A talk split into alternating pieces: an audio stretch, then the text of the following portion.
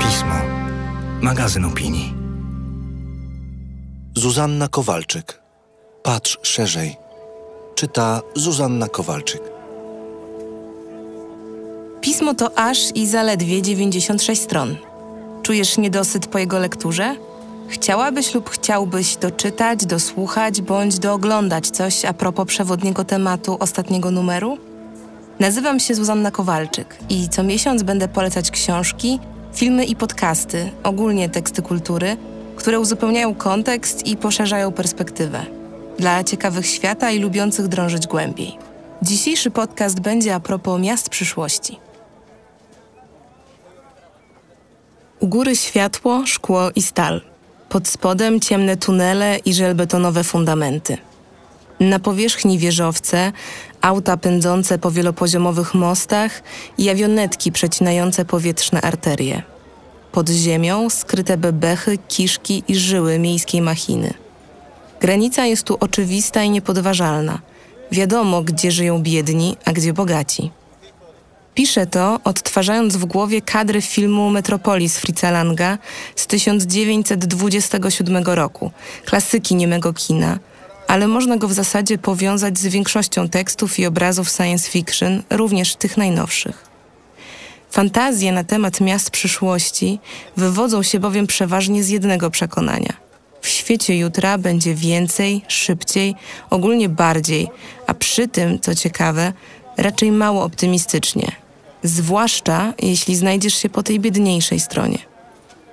Jeśli w tym natłoku dystopijnych wizji szukasz pociechy, wyłącz seriale takie jak Black Mirror, Rok za rokiem, Weird City czy Crossing Przeprawa.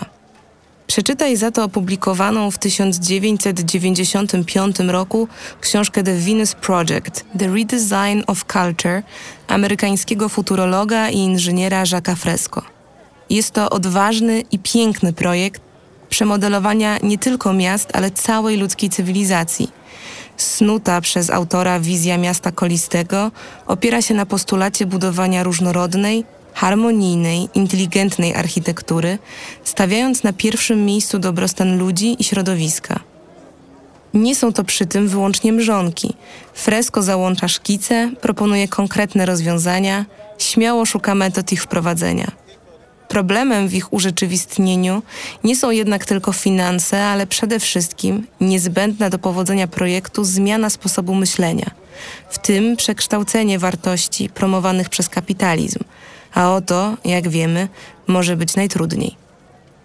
Zainteresowani bardziej tym, co tu i teraz, aniżeli odległymi wizjami futurystycznej urbanistyki, powinni zaś posłuchać The Smart Community Podcast, w którym eksperci i entuzjaści tzw. Tak inteligentnych miast i regionów dzielą się swoimi doświadczeniami i wiedzą.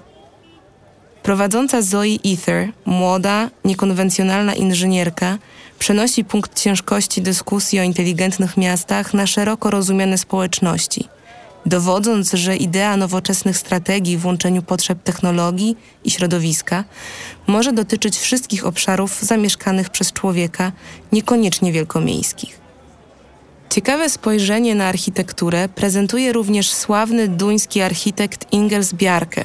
Jeśli nie byliście w Kopenhadze, możecie go znać choćby z serialu Netflixa Abstrakt Sztuka Designu lub z zapowiedzi o projektowanej przez niego przebudowie fragmentu warszawskiej Woli nim stał się budzącą kontrowersję gwiazdą światowej architektury, wydał wraz z członkami swojej pracowni Big Comics Yes is More, an archicomic on architectural evolution, stanowiący nietypowy, graficzno-językowy zapis autorskiego programu dla współczesnego i przyszłego budownictwa.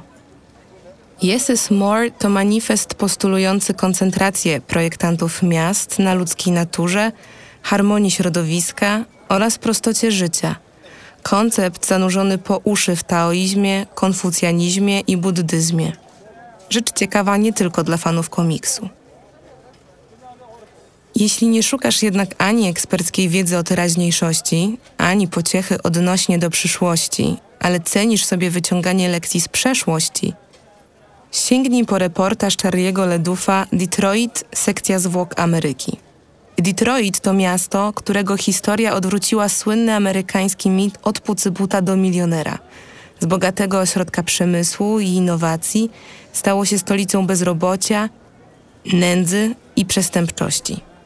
Ledów pokazuje, jak korupcja, ignorancja i powszechne przyzwolenie na przemoc doprowadziły do nieuniknionego rozpadu niegdyś dostatniej nowoczesnej metropolii. Z komiksem Biarkiego, podcastem Ether i książką Fresco być może wyjdzie z tego nawet opowieść o tym, jak mądrze w tych miastach żyć. Albo, oby nie, jak przeżyć w obliczu wątpliwej przyszłości.